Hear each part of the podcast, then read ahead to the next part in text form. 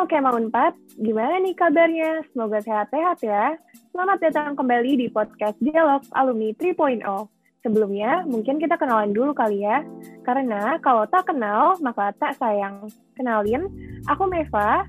Aku statusnya masih sama nih kayak kalian, seorang mahasiswa Unpad, jurusan Sastra Prancis, angkatan 2019. Di sini kita bakal ngobrol-ngobrol sama narasumber yang spesial banget. Beliau ini merupakan lulusan atau sarjana farmasi dan apoteker Universitas Pajajaran, MBA Teknologi ITB, dan Dokter Ekonomi Bisnis DIM FEB Universitas Pajajaran. Saat ini beliau menjabat sebagai Direktur Operasi PT Bio Farma Holding BUMN Farmasi, Vice Chairman OIC CMG atau Organization of Islamic Cooperation Vaccine Manufacturer Group dan beliau juga merupakan Dewan Pakar PP Ikatan Apoteker Indonesia. Selain itu, beliau juga mendapatkan anugerah pajajaran utama dari Rektor Unpad pada tahun 2020. Pastinya beliau akan memberikan kita banyak banget ilmu, insight, dan juga tips-tips yang bermanfaat, spesial hanya untuk Kema Unpad. Hmm, penasaran gak sih? Kita langsung sambut aja nih, Kang Rahman. Halo Kang, apa kabar? Alhamdulillah, Assalamualaikum. Wilujeng siang. Waalaikumsalam. Selamat siang juga, Kang. Nah, uh, mungkin kita langsung aja ya ngobrol-ngobrol. Sedang ada kesibukan apa sih, Kang? Uh, sebagai apa nih, uh, Teh Meva? Kalau sebagai uh, operasional biofarma ya harus ngawal percepatan pengendalian wabah nih. Wabah pandemi COVID ini kan butuh kecepatan riset, produksi vaksinnya harus lancar. Setelah nanti lancar di dalam negeri untuk distribusi vaksin, kita punya kewajiban nih buat membantu negara-negara berkembang ataupun negara-negara Islam yang masuk dalam OIC untuk bisa ada program imunisasi juga. Nah itu kalau sebagai uh, operasional biofarma. Tapi kalau kita perlu sosialisasi mengenai keamanan vaksin, kehalalan vaksin, nggak bisa ngomong sebagai biofarma tuh. Karena ngapain nih orang industri ngomongin halal, pasti jualan. Ya, jadi sebagai Dewan Pakar Ikatan Apoteker Indonesia baru kita edukasi dan sosialisasi. Itu teh Meva. Oke, luar biasa ya Kang. Nah, Kang Rahman ini kan kuliah di Unpad jurusan farmasi. Apakah hal tersebut memang keinginan sendiri dan sesuai dengan cita-cita, atau ada alasan lain kenapa Akang memilih jurusan farmasi di samping banyaknya jurusan yang ada nih? Oh, waktu SMA dulu pingin ikut-ikutan gagah nih kalau lihat pilot, TNI Polri, ya. Tapi ini gara-gara uh, saya sembarangan kalau baca, kalau belajar di tempat gelap sambil tiduran, akhirnya pakai kacamata. Jadi nyadar diri deh, wah nggak bisa deh masuk uh, yang gagah-gagah tadi ya, akhirnya cari deh ke universitas atau perguruan tinggi. Nah jadi teman-teman dulu ceritanya idealis. Ah saya begitu lulus sekolah nggak mau tuh cari kerja, saya ingin menciptakan lapangan kerja. Jadi nyari tuh kira-kira apa ya buka warung atau buka bengkel. Jadi begitu dilihat warung apa yang agak keren, oh warung obat kayaknya keren. Baru cari tuh, oh itu jurusan farmasi. Jadi saya senang teman-teman sekarang lebih maju ya. Milih sastra karena sudah tahu fisip jurusannya nanti mau ke mana. Kalau saya dulu nggak nggak tahu, jadi cari sendiri. Buka warung apa ya? Oh ternyata uh, farmasi gitu ya. Dan kemudian uh, tahun berikutnya penasaran tuh bisa nggak ya buka bengkel coba ikutan lagi? Eh nggak keterima lagi. Jadi saya baru nyadar tuh bahwa memang uh, sudah ada jalannya. Ya walaupun kita nggak nggak nyangka tadinya ya sudah di farmasi akhirnya serius harus uh, harus uh, berhasil gitu ya. Gitu teh Neva. Oke, sangat inspiratif ya ceritanya. Ingin menciptakan lapangan pekerjaan nih teman-teman. Luar biasa banget ya. Oke. Tapi akhirnya harus rasional Pak. ternyata begitu sekolah loh nanti buka lapangan kerja ternyata harus ada modal modal ya modal biaya ya modal pengalaman ya modal relasi ya akhirnya kerja juga jadi karyawan dulu gitu tapi nggak masalah ini teman-teman juga nanti kalau masalah e, menciptakan lapangan kerja masalah wira swasta itu hanya masalah usia kok mau setelah pensiun dari karyawan mau sambil e, kuliah wirausaha mau nanti lulus kuliah mulai wirausaha atau mau sambil kerja gitu. Jadi tetap cita-cita itu masih ada. Oke, seperti itu ya teman-teman Kema Unpad. Nah, ngomong-ngomong soal kuliah nih Kang, hal paling menyenangkan apa sih yang semasa berkuliah di Unpad nih bikin Akang bernostalgia kalau ingat? Nostalgia, waduh. Uh, yang pasti banyak berkahnya lah uh, ternyata masuk jurusan yang saya ambil uh, banyak perempuannya. saya uh, bersaudara laki-laki semua, jadi yang lihat perempuan tuh takut gitu ya, nggak biasa harus gimana. Jadi begitu masuk nyemplung ke situ dengan segala groginya ya belajar juga akhirnya jadi manusia beneran gitu ya. Dan terus uh, di masa kuliah juga banyak Eh, coba-coba uh, untuk aktif lah ikut bantu teman-teman himpunan atau teman-teman senat mahasiswa fakultas dulu ya namanya. Sekarang lebih keren ya uh, badan eksekutif mahasiswa ya. Uh, dulu ikut coba bantu-bantu.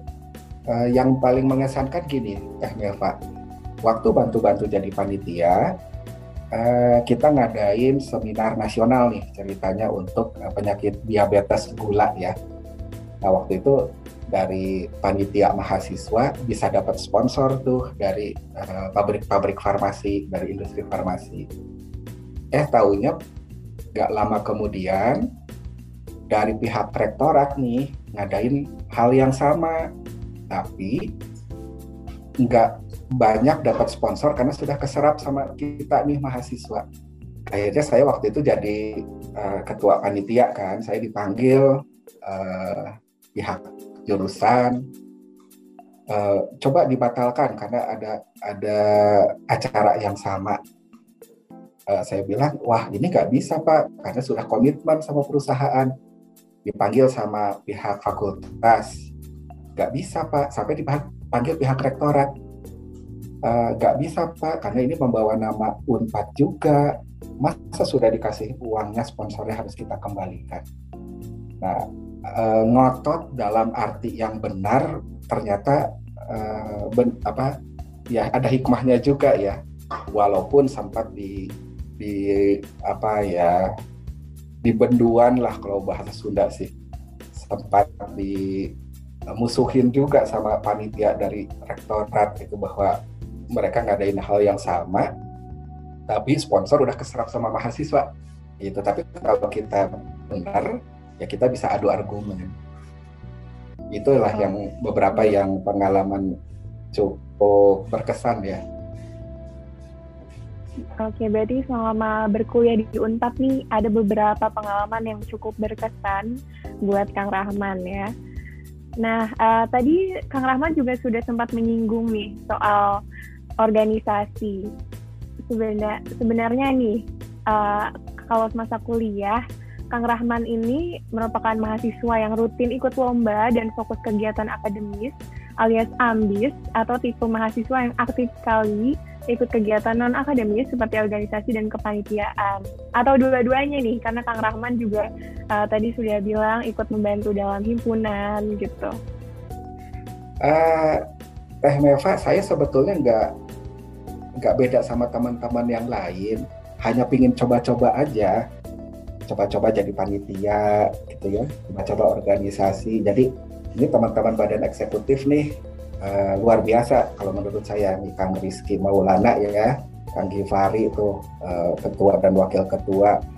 Ada uh, Teh Renita ya sama Kang Ferdi, Kang Wildan, Febrian juga sama Teh Meva nih. Ini luar biasa. Saya salut bahwa teman-teman ini sudah mulai aware tentang kegiatan di luar uh, akademis rutin gitu ya.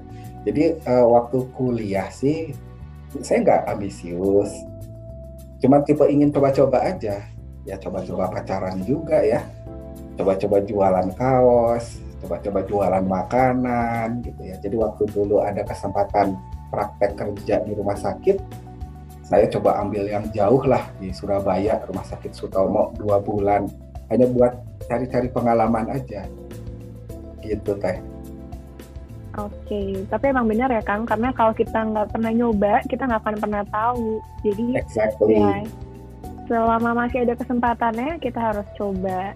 Teh Neva bener banget gini, kalau mau salah itu sekarang teman-teman, lagi mahasiswa.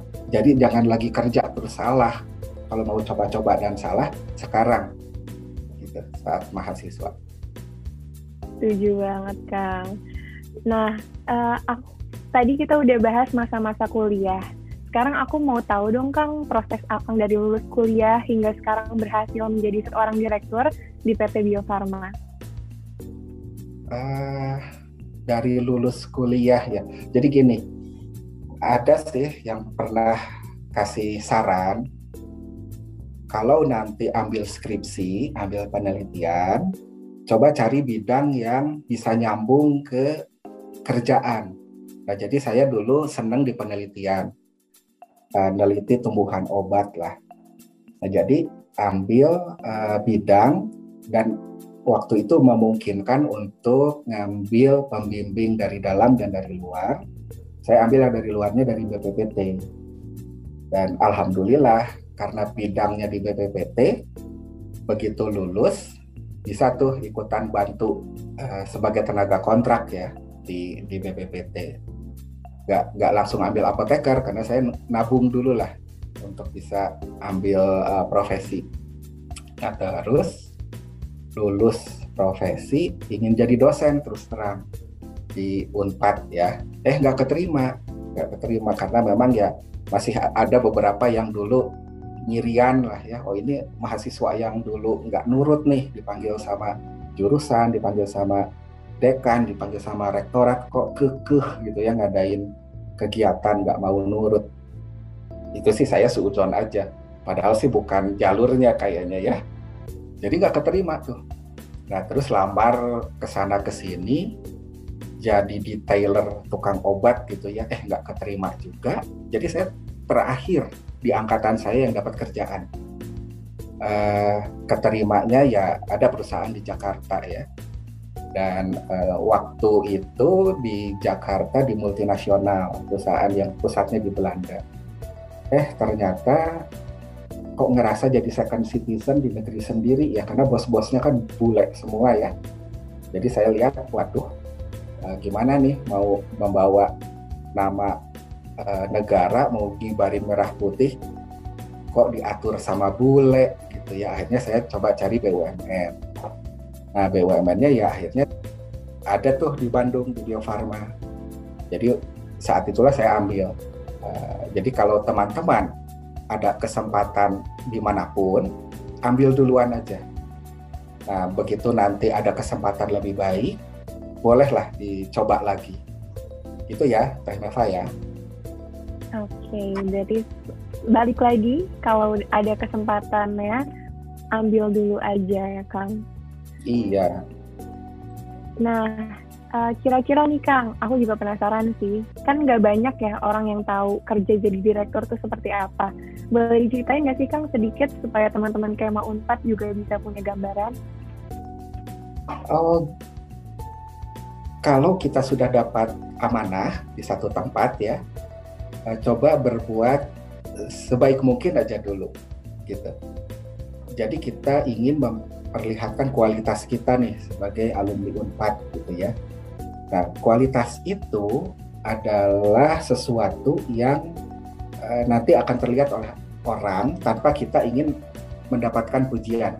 Saya mengutip dari seorang uh, Henry Ford nih, quality is doing right when no one is looking. Jadi kualitas itu adalah berbuat sesuatu sebaiknya tanpa harus dipuji orang. Jadi kalau kita bekerja nanti jadi karyawan, tujuannya hanya untuk dipuji atasan, ya mungkin hanya dapat pujian atasan. Jadi kalau nanti nggak dipuji malah bete sendiri kan. Jadi malah galau kalau nggak dipuji. Kalau kita mencari pujian. Yang harus kita lakukan, dedikasi kita berikan pada perusahaan, bukan pada personal.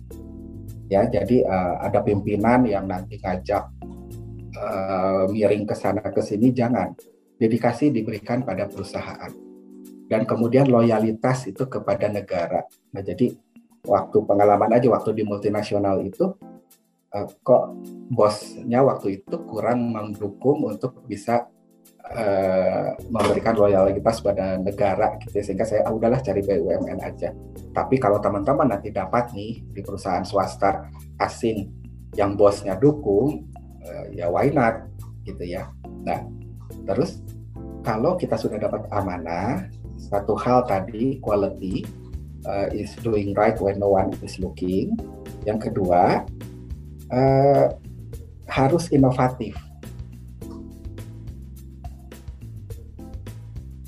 Kadang teman-teman kalau kita punya suatu ide suka nggak pede duluan. Ah apalah artinya saya, ah ide saya kayaknya kecil. Teman-teman ingat ya, no big days without a small things. Jadi tidak akan ada hari besar kalau hal-hal yang kecil nggak kita kerjain gitu. Kadang kita nggak merasa nggak sanggup. Ingat aja bahwa your limitation is only your imagination. Jadi kita ini merasa tidak mampu itu hanya imajinasi kita. Berbuat aja sebaik-baiknya, insya Allah nanti akan ada yang menilai. Nah jadi kalau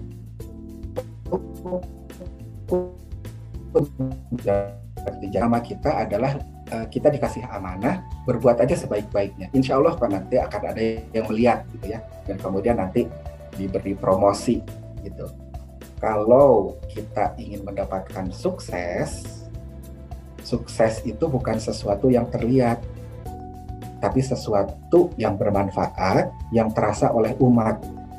Jadi sukses itu bukan mobilnya harus Alphard, mobilnya harus Camry enggak. Tapi terasa nggak manfaatnya oleh umat gitu. Mbak Eva jadi jangan kejar jadi direksinya lah tapi amanah di mana pun kita nih itu aja yang dibikin sebaik-baiknya. Oke, luar biasa banget ya teman-teman.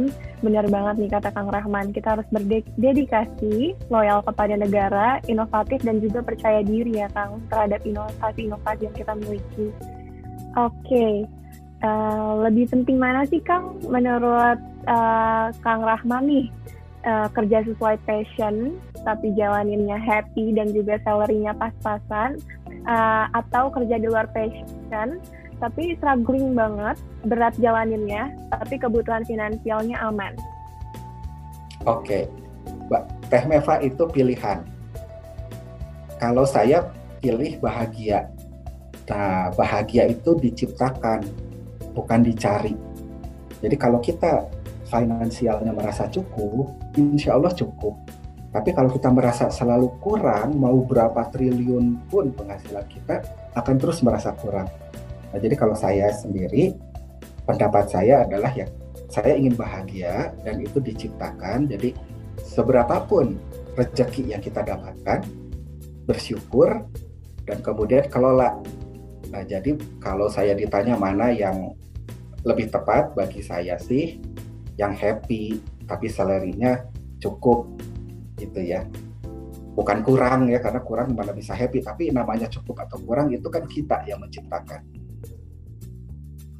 Oke, aku setuju banget sih ya Kang. Memang ini merupakan pilihan masing-masing juga gitu. Nah, uh, pengalaman atau pelajaran semasa kuliah apa sih Kang yang memiliki pengaruh besar terkhususnya setelah menduduki jenjang karir? Ah ini poin poin yang bagus nih teman-teman uh, Unpad di Unpad itu namanya universitas ya. Jadi memang uh, beragam banget ininya apa uh, bidang ilmunya. Kita bisa kenal dengan teman-teman sains kita bisa kenal dengan teman-teman di bidang medis kedokteran kita bisa kenal dengan teman-teman uh, bahasa sastra kenal dengan uh, fisip kenal dengan orang-orang hukum gitu ya. Nah itu yang menjadi dasar kita bisa toleransi. Dan kuliah di Jatinangor itu buat saya pribadi itu bisa membuat kita ngatur waktunya lebih baik ya. uh, selama kita duduk di bis kita bisa pakai istirahat atau pakai buat belajar sambil baca gitu ya. Memang pertama sih pusing tapi lama-lama jadi biasa. Dan satu poin nih teman-teman, kalau ada dosen yang pingin enaknya aja gitu ya, uh, waktunya silakan mahasiswa yang ngatur. Itu anugerah karena itu dikasih kesempatan untuk belajar cara ngatur senior, cara ngatur guru. Bayangin, nggak akan ada tuh kesempatan seperti itu di di luar gitu ya. Dosennya ingin uh, dalam tanda kutip sudah jadilah jadwalnya segala macam. Kita yang harus ngatur. Itu anugerah. Karena kita dipakai untuk belajar cara bicara ke dosen ngatur dosen itu susah loh tapi kalau kita dikasih kesempatan seperti itu ya alhamdulillah dan itu pengalaman selama kuliah di Unpad gimana caranya kita ngatur dosen ya gitu teman-teman. Oke, luar biasa banget ya Kang. Nah, uh, sebelum kita mengakhiri podcast kita pada hari ini nih Kang,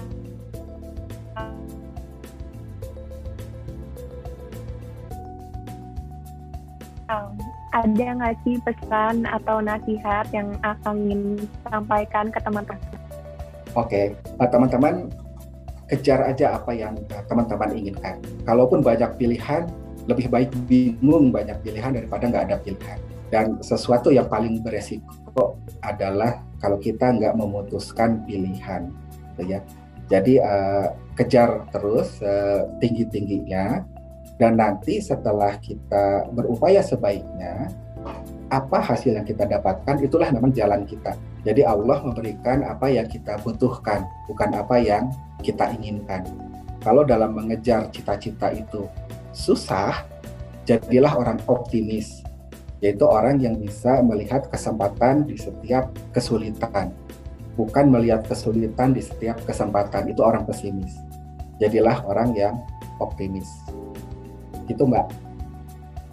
Oke teman-teman, didengarin ya kata Kang Rahman karena luar biasa banget, menginspirasi juga Oke, terima kasih banyak kepada Kang Rahman sudah menyempatkan hadir bersama kita untuk berbagi ilmu dan juga pengalaman buat kita Sema Unpad. Semoga lancar terus karirnya dan semakin sukses ya Kang. Amin. Semoga semua juga sukses. Teman-teman akan memimpin negara ini suatu saat. Amin. Amin. Ya Rabbal Alamin. Dan semoga nanti kita bakal bertemu lagi di lain kesempatan juga ya Kang. Amin. Baik. Baik nih, saya mau Unpad. Sudah selesai sesi ngobrol aku sama Kang Rahman. Gimana nih kira-kira bermanfaat dan useful banget kan? Nah, abis ini berkat Kang Rahman, pastinya Kema Unpad dapat banyak banget ilmu, khususnya di dunia pekerjaan. Oke, kita sudah sampai di penghujung acara. Dan sebelum menutup podcast ini, aku mau terus mengingatkan kalian untuk terus semangat dalam perkuliahan. Dan jangan lupa siapkan bekal dari sekarang untuk melangkah ke dunia pekerjaan nanti ya. Saya, Neva, sampai bertemu di podcast selanjutnya ya. See you!